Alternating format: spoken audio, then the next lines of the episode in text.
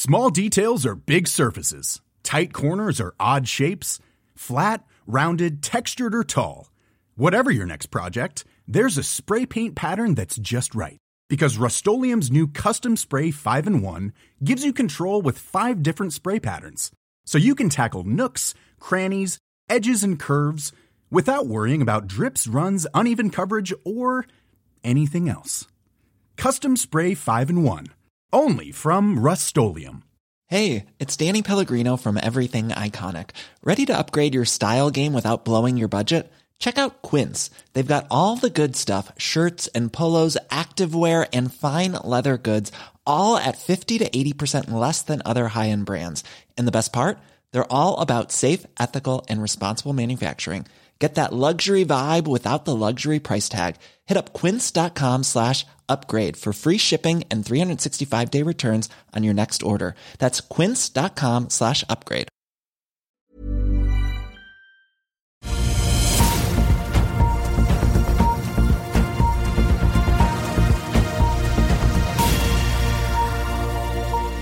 En riktig god morgen og velkommen til Børsmorgen her hos oss i Finansavisen denne tirsdagen. Mitt navn er Benedikte Storm Bamvik, og med meg har jeg aksjekommentator Karl Johan Molnes. Senere i sendingen så får vi også besøk av konsernsjefen i Norhealth, Charles McBain, før kapitalmarkedsdagen sparkes i gang om en times tid.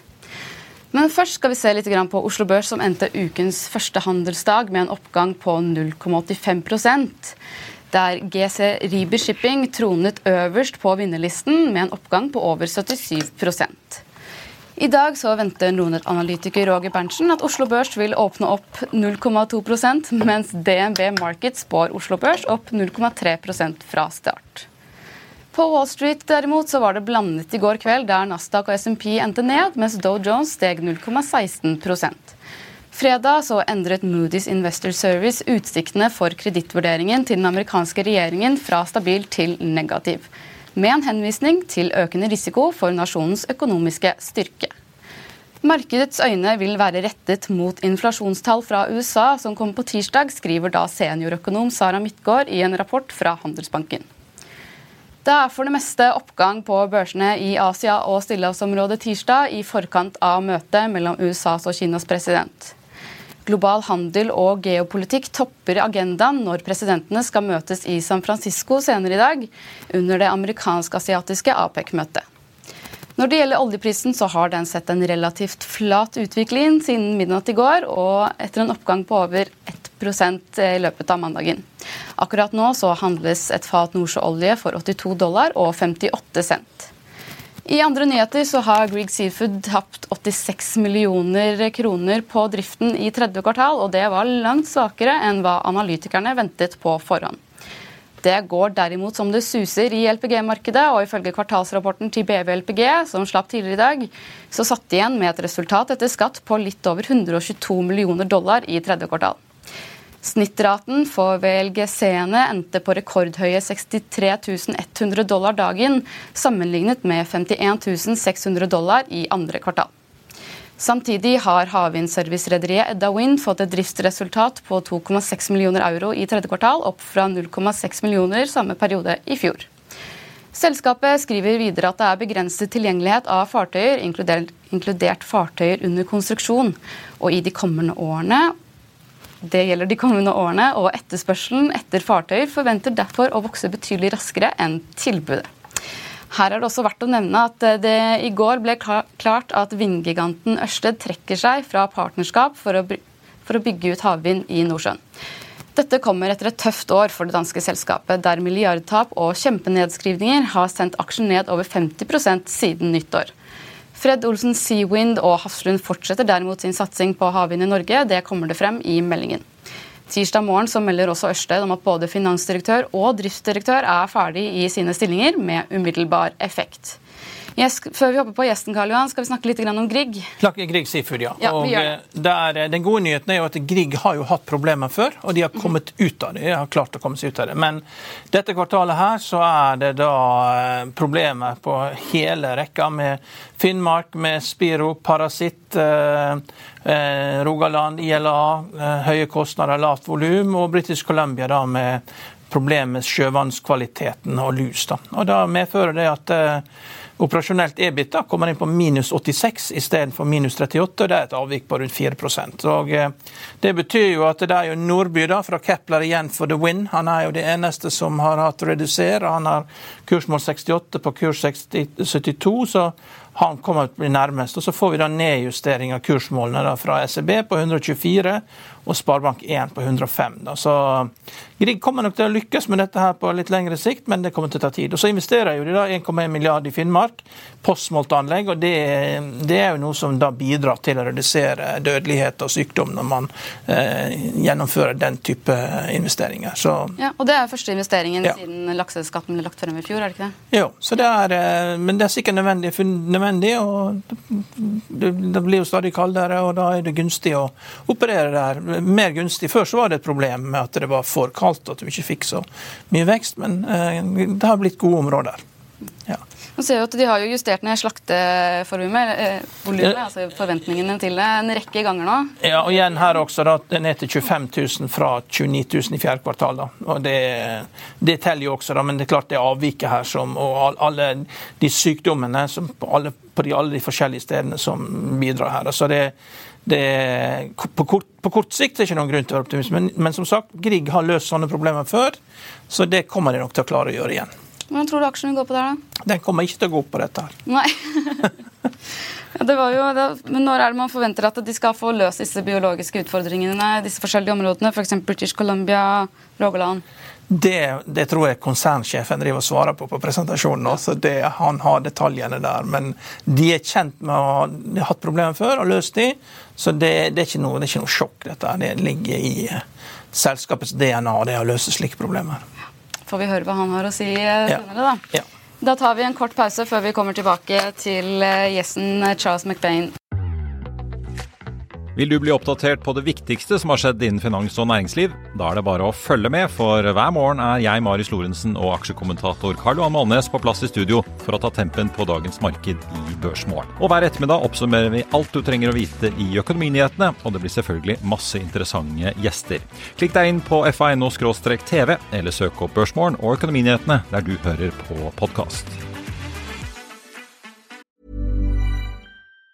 Even on a budget Quality is non-negotiable. That's why Quince is the place to score high-end essentials at 50 to 80% less than similar brands. Get your hands on buttery soft cashmere sweaters from just 60 bucks, Italian leather jackets, and so much more. And the best part about Quince, they exclusively partner with factories committed to safe, ethical, and responsible manufacturing. Elevate your style without the elevated price tag with Quince. Go to quince.com slash upgrade for free shipping and 365-day returns. I'll see you in court. Vi sier det ofte litt på spøk, men for deg som driver business, er det aldri moro å innse at du ikke har laget en 100% gyldig kontrakt. Du bør ikke risikere hele firmaet ditt fordi du synes dette med kontrakter er litt stress. En avtale er ikke en avtale. Du kan miste kunder, miste venner, ja, til og med miste inntekter om du ikke lager en skikkelig kontrakt, på alt mulig, egentlig. Men vi vet det er et styr, kopimaskiner, tregprinter og haugevis av papir. Dessuten stoler vi jo på folk her i landet. Det er ofte litt kleint å skulle be om en signatur for alt mulig, ja, for mye av styret handler også om jakten på underskriften. Det finnes en enkel måte å løse dette på, Dukkobit, en trygg, effektiv og get this, gratis måte å sikre seg en god natts søvn pluss en juridisk bindende avtale. Dukkobit-appen har de strengeste sikkerhetskrav i bunn, samt en EU-godkjent og sertifisert teknologi. Framover vil det bli behagelig å spørre du, skal vi skrive under på det, eller? Kom i gang på dukkobit.no.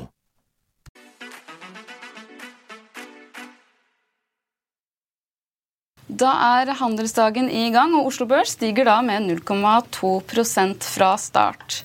And for our next guest, we have to continue this interview in English as we have the CEO of Nordhealth, Charles McBain. Welcome to the show. Thank you very much for having me. Well, first to to kick it off, like how, as a Canadian Swiss, uh, why did you decide to acquire the Finnish software company like five years ago? Yeah, so um, I had no connections to the Nordics or Finland before uh, buying the company. Um, at uh, business school, I went to Harvard Business School. I learned about uh, a model of instead of going and starting a new company, to buy a company um, in uh, and become the management of that company. So uh, I looked for healthcare software companies because that was an area that I had actually worked in in my first job in consulting. And uh, we heard a lot of the nurses and doctors complaining about the software. And so, as a sort of first time entrepreneur, I thought if there's um, these nurses are still complaining about it, but still would never like to switch the software. There must be some resiliency in the business model. And so that's why I decided to look specifically at healthcare software. Looked at uh, veterinary therapy specifically, because they were the least regulated parts of the healthcare spectrum. Thus, you can go from country to country. And so looked at 400 companies around the world in those areas and uh, interviewed many of the founders and owners of those companies and found that the best company doing uh, veterinary therapy practice management software was located in Helsinki, Finland. So flew over and uh, over an eight months period, I convinced them to sell to me. Yeah. So. And then you were listed on Euronext Growth here in Oslo in, uh, you know, uh, the IP boom during 2021.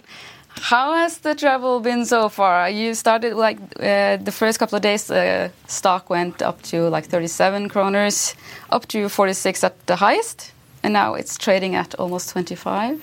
Yes.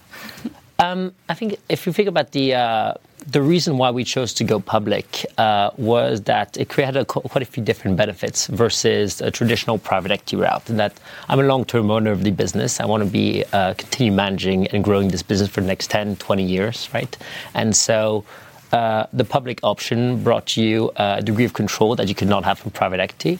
In that, yes, you could sell to private equity fund uh, up front, but then they would sell you over uh, uh, to the next person within five to seven years.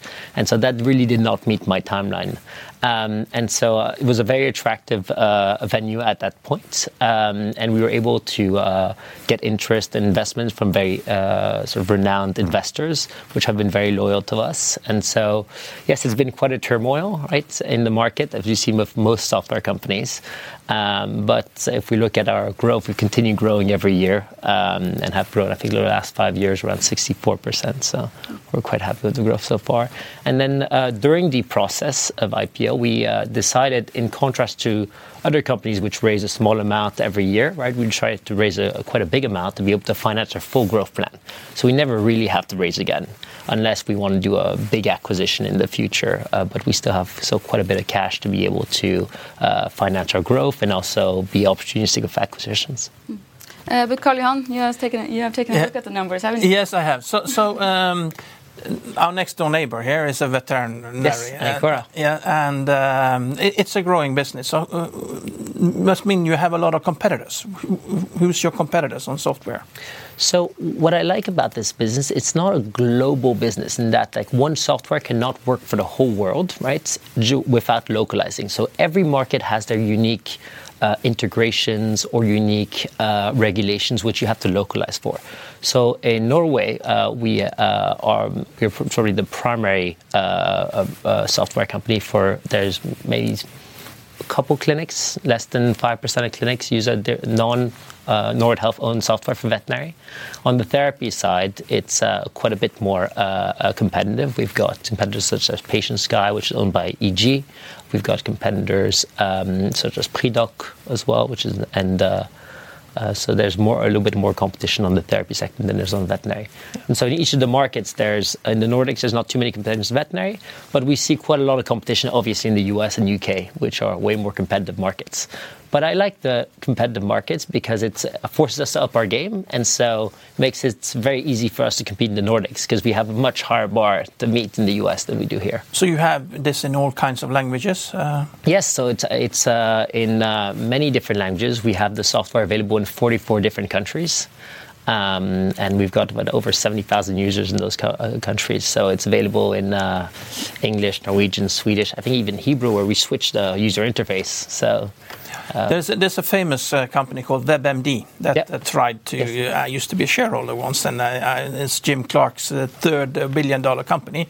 And but the problem is, of course, that then you get into hospitals and you get into doctors, and they like to have things on paper files, and, and it ended up being taken private. It didn't work even after. So, so what's the limit to your growth? You know, which uh, which vectors can you go into? Are you going to stay with the animals and uh, and uh, the shrinks? Is that your line of business, or are you going to take it to the hospitals? So uh, for now, we're a very small market share globally in veterinary and in therapy. So our strategy we've had for the last five years has been to enter new markets one after another, right, and conquer that market. Um, so we've got some leeway to go there in order to be able to, uh, and we can grow in veterinary alone probably over 30 times in the current markets that we're in UK, US, Spain, Italy. Um, so there's quite a lot of runway for growth. But despite that, that's in terms of new user growth. And the second thing is we can also expand our product ranges. So, for example, we started with practice management software, which is the basic software that they use in clinics to manage the workflow, store medical records, book appointments. But also, we've expanded to payments. So, creating the payment solution for them. We'll expand to insurance and other products that we can upsell to our current customer base. That's a very efficient way to grow the uh, average revenue per user. And then the at some point, yes, we are planning to go beyond uh, veterinarian therapy, focusing probably not at the hospitals, which are much more complex and require have a lot more regulation in countries, but maybe at dermatologists, opticians, dentists. Yeah. So. But it's um, uh, when when you um, when you look at uh, the ways you have uh, to go forward, uh, uh I look at your uh, revenue growth here, and uh, it looks like the analysts are sort of forecasting 19% growth. and That it seems like sort of an analyst forecast. It doesn't two years in a row with 19%. That it's either too high or too low. When I see equal numbers, something is wrong. So, What do you say to that?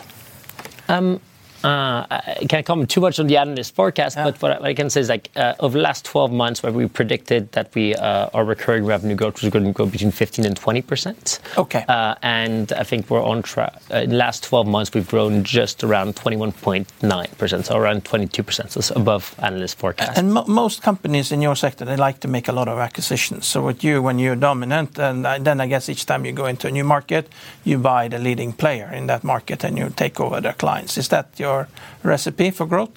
So we've got a two-pronged recipe. One is we go organically into new markets uh, without acquisitions uh, by just uh, localizing the software and then selling it through traditional sales and marketing routes. The second one, which we've done, and we've done I think nine acquisitions to date like this, has been to acquire normally a legacy player, which is doesn't have modern software, doesn't have the capabilities to build a new software, and has been rather stagnant for years in that they haven't been growing much because of their legacy nature of the product. And we buy those companies and we migrate all those customers over to our cloud software. So the benefit of that is that when we normally buy them, their sort of uh, EBITDA minus capex is zero or maybe 10%, right? Once we shift them over, we can get a significant increase because our their EBITDA minus capex would then be our sort of contribution margin, or which would be around 65%. But you, you have this. Uh, the, the, thing is strange with all the software companies is that you typically have between 80 and 90 percent uh, gross margin. But then, yes. as, as, soon as you get to the EBITDA level, you don't make any money. So what happens between gross profit and EBITDA? What, where, where, where does that all that money go?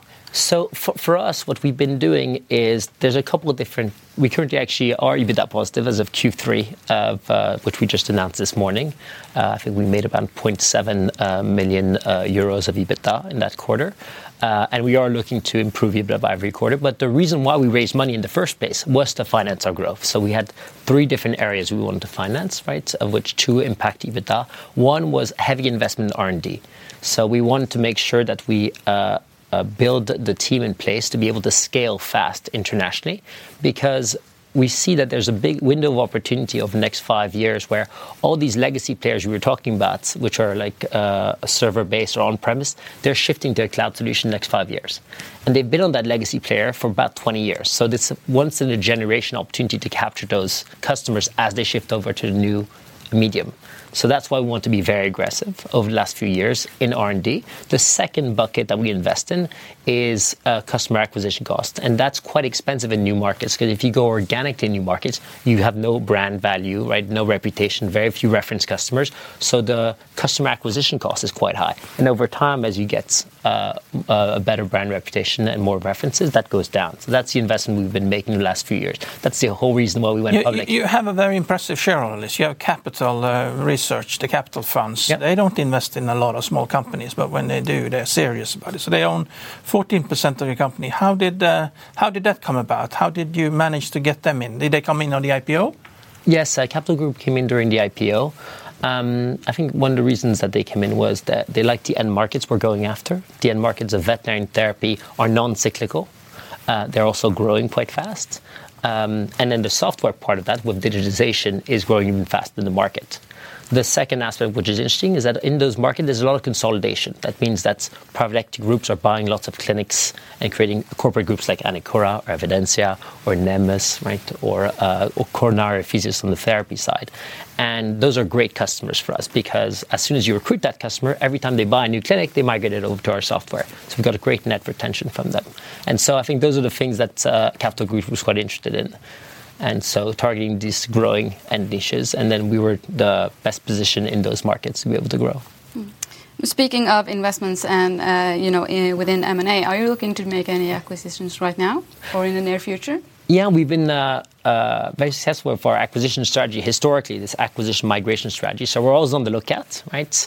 Um, the uh, valuations, most of the companies that we look at are private, and the valuations have not uh, adapted like the public market valuations have. So there's still a uh, gap between seller expectations and buyer expectations. But uh, we always try to continue building relationships with all the different players and every quarter, every year, I poke the sellers, and at some point they'll sell. You know? But you're, you're, you're stuck. Uh, sorry. I was just wondering more general about the M&A market yeah. for you guys. Like, is it more difficult now than it was before the IPO or during the last uh, couple of years? Um, I think it is um, a little bit more difficult because of the fact that we do not have our stock price uh, as a, a, lever to be able to finance those acquisitions. That's one thing where if you have a, a very high multiple on your on your uh, recurring revenue or EBITDA multiple, then you can use that as currency for acquisitions. With the uh, the stock as it's trading today, I do not like to use that stock for. The stock is trading at almost five times sales. Yes, but it's. Uh, is that cheap?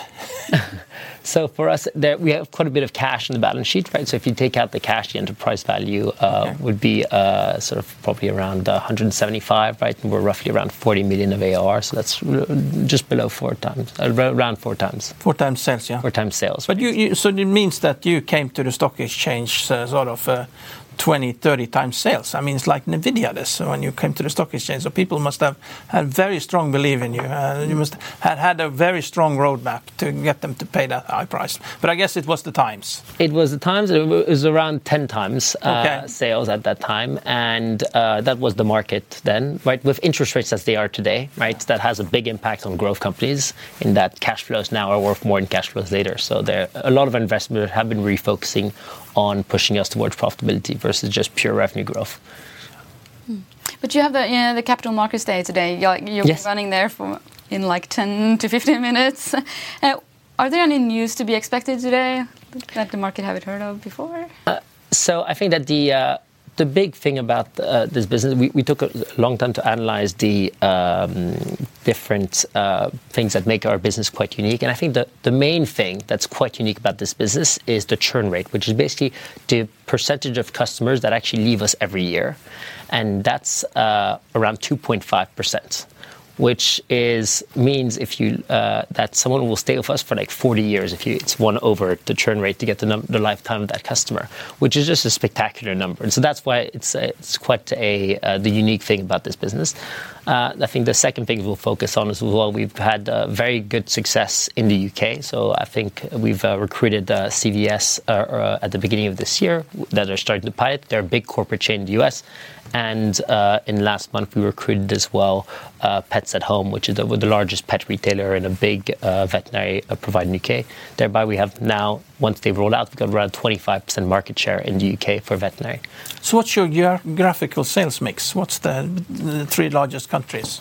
So um, the largest country is still Norway for us, okay. which is great. So that's one of the main reasons we actually listed here in Norway because a lot of our customers are here. But 75% of our revenue still comes from Nordics. Uh, 25 comes from four different countries, and so it would be uh, Norway would be number one, number two would be Finland, and then three would be uh, Sweden.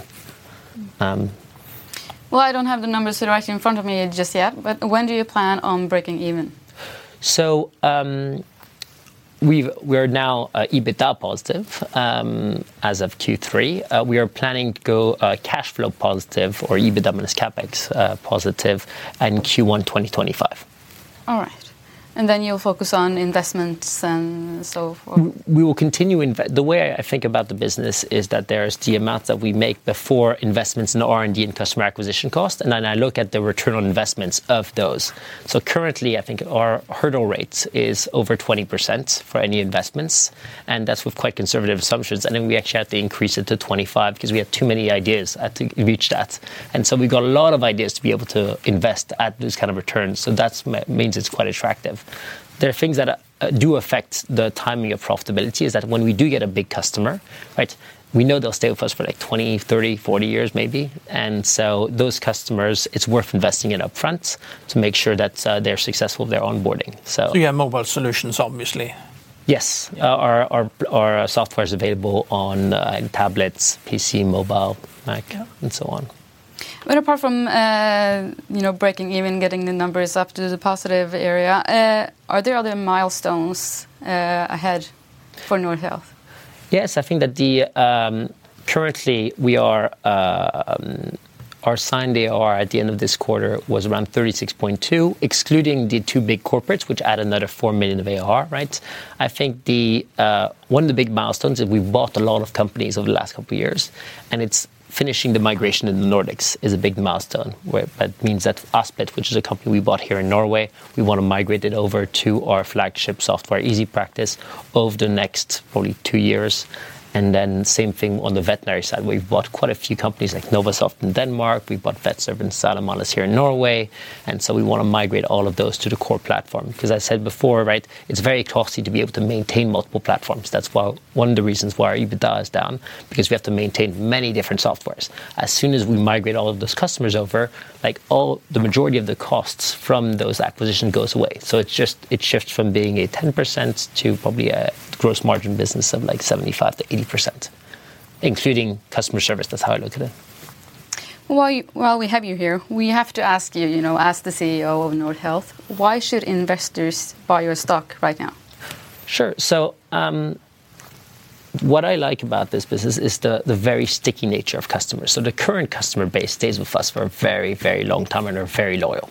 Secondly, is every year these customers spend more with us. On average, for the last five years, I think they spend 13% with us every year. That means that either they're they've got they're growing themselves, adding users, or they're they're actually uh, spending more on the add-on products that we're developing. Um, so there's a good just for the current customer base, right? I think there's very strong uh, um, financial there. Then the second part is that we are we have a successful track record of going into new countries, um, and in the Nordics, and now we're we're finally seeing success with in the UK, in the US, and um, the last part is that a lot of the numbers now, especially on the profitability side, are tempered by the fact that we've got these migrations. So we'll see over time that the profitability, uh, EBITDA minus CapEx, will go from where it was before um, at uh, last year at negative 13% to 20, around 20% margin, with EBITDA being around 30% margin. So that and I'm not just saying this, but I actually have bought quite a bit of stock back during this period. I noticed. um, and so I, uh, I strongly believe in the stock and especially these valuations. Right? Yes. Anything you would like to ask there, Karl before we finish? There's obviously a lot of things we could ask. This is just scratching the surface. Uh, fascinating business. So, but uh, do you uh, do shareholders sort of ask you um, sort of why shouldn't I just buy a dog food company like Chewy instead of this? Yeah. Because technological risk. I mean, Chewy they're going to be around and they sell dog food. I mean, do you get questions like that? Um, not too many, but I think it's it, it's a good uh, how to get exposure to veterinary markets yeah. is, a, is a very good question. I think there's uh, dog food companies are uh, are interesting, um, such as uh, Nestle and so on. Chewy, which does basically the uh, delivery of drugs direct, directly to home, right? Uh, and the consumer side, it's very. It's actually one of the things we're looking to enter into the in the Nordics uh, and replicate that. Be the Chewy well. of Norway to be the Chewy of the Nordics. Yes. And you can distribute to Volt or Foodora. exactly. well, I think they're in all, all the small cities, all the small cities in Norway now, so they'll help you. we have to end it there if you're going to, you know, have time to get uh, back uh, before the Capital Markets Day starts. Thank you so much for coming, Charles McBain, CEO of North Yes, uh, Før vi avslutter dagens sending, Karl Johan, så må vi snakke litt om inflasjon. Ja, uh, det kommer jo inflasjonstall fra USA i dag. Nettopp. Det viktigste der er jo at uh, Kjerneinflasjonen er forventa å ligge på 4,1 det, det, og det, det er såpass langt unna 2 at selv om det blir 4 da, så, eh, så, er budskapet fortsatt higher for longer. Jeg tror jeg blir, blir veldig overraska om at det blir noe endring ut fra det. da. Og det er klart det, den vanlige inflasjonstallet er veldig volatilt, påvirka av at bensinprisene svinger mye og en del andre priser svinger mye. Det, det forventer jeg ned på det lave tretallet. Så vi får jo, Det er klart det er også viktig, men man, man skal ikke forvente for store endringer. og Det kan jo hende det at det blir en overraskelse på oppsida også, fordi inflasjonen biter jo seg fast i, uh, i lønningene nå. Veldig høye lønnspåslag. Vi så vel Stellantis, den store bilprodusenten, uh, skal nå si opp 6500. Men liksom selskapene, når, når lønningene stiger mer enn forventa, så er du nødt til å kutte antall arbeidere for å få regnestykket til å gå opp, som øker arbeidsledigheten. Og det er det som uh, får ned inflasjonen til slutt, at du får nedgangskonjunktur. Ellers så blir det veldig vanskelig å få den ned. Hva med energiprisene? De er jo litt lavere i år enn det de var i fjor? De svinger. Bensinprisene bensinprisen har jo svinger. Det var på oljeprisen. altså Bensinprisen har svinget enda mer. Og, og, det er jo eh, ja, det er, det er priskrig på bensin enkelte stater i USA. Veldig billig bensin. Og det er jo positivt for politikerne, da. Men, og, og, det er en del andre priser som også faller. Orange juice og en del andre commodity-priser har også begynt å falle nå. Men det får ikke vi i de tallene her, da. Så eh, så vi får ta ett steg om gangen eh, på vei inn til nedgangskonjunkturen. Eh, det kommer til å ta, fortsatt ta litt tid, men, men, det er det som må til for å få ned prisene når lønningene nå stiger så sterkt som de gjør. Men for ordens skyld, når er det man eh, eventuelt venter neste renteheving i USA, da? Eh, det vet jeg ikke. Jeg vet ikke om det er renteheving. Altså, det man snakker om, er jo at eh, det tar ti måneder fra eh, siste renteøkning til eh, første rentekutta. Og første rentekutta i gjennomsnitt er forventa mai neste år. Da. Men det, det, der kan man jo lese i markedet hver eneste dag. Det svinger jo hele tida. Mm, så man må jo bare følge med. Det er jo et veldig volatilt marked. Og det gjelder jo ikke å bli finta ut. da. Nå ser jeg jo at disse her eh, spekulative aksjene som Nvidia, så Nvidia lanserte en ny chip nå uken før de kommer med tall neste uke. Så det er, uh, det er fortsatt eh, mye spekulasjon der ute. og mange gjør alt de kan for å prøve å berge Softbank sin balanse og få Arn på børs og pumpe Nvidia. Og, eh, ja, det, er, det, er, det er mange ting å seg over. Men det er klart det positive igjen. da. Biden og Xi skal møtes i San Francisco denne uka. her, Og det er jo all grunn til å håpe at de kommer med en slags resolusjon som eh, heller litt olje på vannet da, og roer ned gemyttene her nede og tar fra, tar fra Putin og Iran ja, Eh, at de, ikke, at de, ikke er så krigshissige som de har vært. Eh, for det, sånn som det er nå, så holder jo dette på å skal koke over. og Det er ikke bra for noen. Ja, men Hva er det man egentlig forventer ut av dette APEC-møtet? da? Man forventer jo det at eh, de skal komme med en felles uttalelse på et eller annet som eh, omfatter noe om teknologi. Altså at man finner ut av hverandre, at man kan leve med hverandre uten å gå i krig. Ja, Den store spenningen mellom Kina og USA er jo håper å si, å ta og føle på eh, når det kommer på tech-fronten akkurat nå. Ja, Man bør være litt sånn som svenskene, ha et litt, litt, mer sånn vennskapelig forhold til sine naboer. da, Istedenfor å Nordmenn, er liksom den jævla naboen, ikke sant. Så, man skal alltid krangle med folk, da. Det er jo eh, det er liksom ikke nødvendig, det her. altså. Da er det mulighet for litt oppside, da? Ja, helt klart. Helt klart. Fullt klart. Helt klart opp, mulig. Det kan bli julerally av alle ting her nå, så det er jo helt utrolig. Men det er jo Det kan det bli, men så vi er fortsatt på vei mot den ganske nye turen. Altså, fordi det tikker på. Det er, eh, det er, for mange ting som eh, er i ubalanse. Eh, som ikke Du, du får ikke du, du, går ikke fra høst til, til vår uten vinter. Nei, det stemmer jo, det. Ja. Vi får bare følge med og se hva som kommer ut av både møtet og inflasjonstallene. Jeg tror det var vel klokken 14.30 i dag, er det ikke da tallene kommer? Ja. Husk på at vi har stor gjest i kveld. I ja, ettermiddag. Ja, jeg skal, de skal få vite det, skjønner du. Eh, for da er det jo selvfølgelig eh, i studio på Økonominyhetene senere i dag, så får vi jo da næringsminister Jan Christian Vestre og Trygve Hegnar, som bl.a. skal diskutere fornybart, batterier og subsidier. Så det blir jo kjempespennende. Det er jo også da samtidig som inflasjonstallene. 14.30 i dag. Eh, og da Før vi nå setter en strek for dagens sending, så vil vi også minne om dagens utgave av Finansavisen, der hvor du kan lese om forvalter Jonas Andersson i Carnegie, som ser store rabatter i nordiske eiendomsaksjer. Etter hans syn så er det i mange tilfeller snakk om rabatter på 60-70% til bokførte verdier. Du kan også lese om DNB Market, som en, eh, spår en langvarig fest for oljeservicesektoren. Fremfor en boom og bust-mentalitet så ser analytikerne for seg en lengre syklus på gode ratenivåer, ettersom oljeselskapene ser ut til å utvise større disiplin.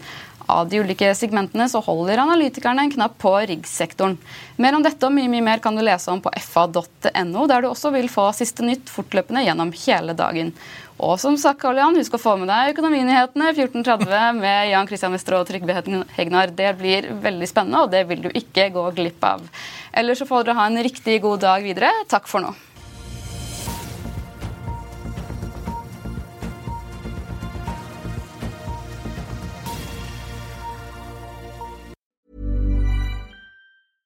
Small details are big surfaces. Tight corners are odd shapes. Flat rounded, textured, or tall. Whatever your next project, there's a spray paint pattern that's just right. Because Rust new Custom Spray 5 and 1 gives you control with five different spray patterns.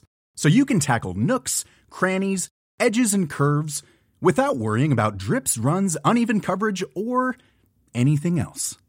Custom Spray 5 and 1. Only from Rust Økonominyhetene er en podkast fra Finansavisen. Programledere er Marius Lorentzen, Stein Ove Haugen og Benedikte Storm Bamvik. Produsenter er Lars Brenden Skram og Bashar Johar. Og ansvarlig redaktør er Trygve Hegnar.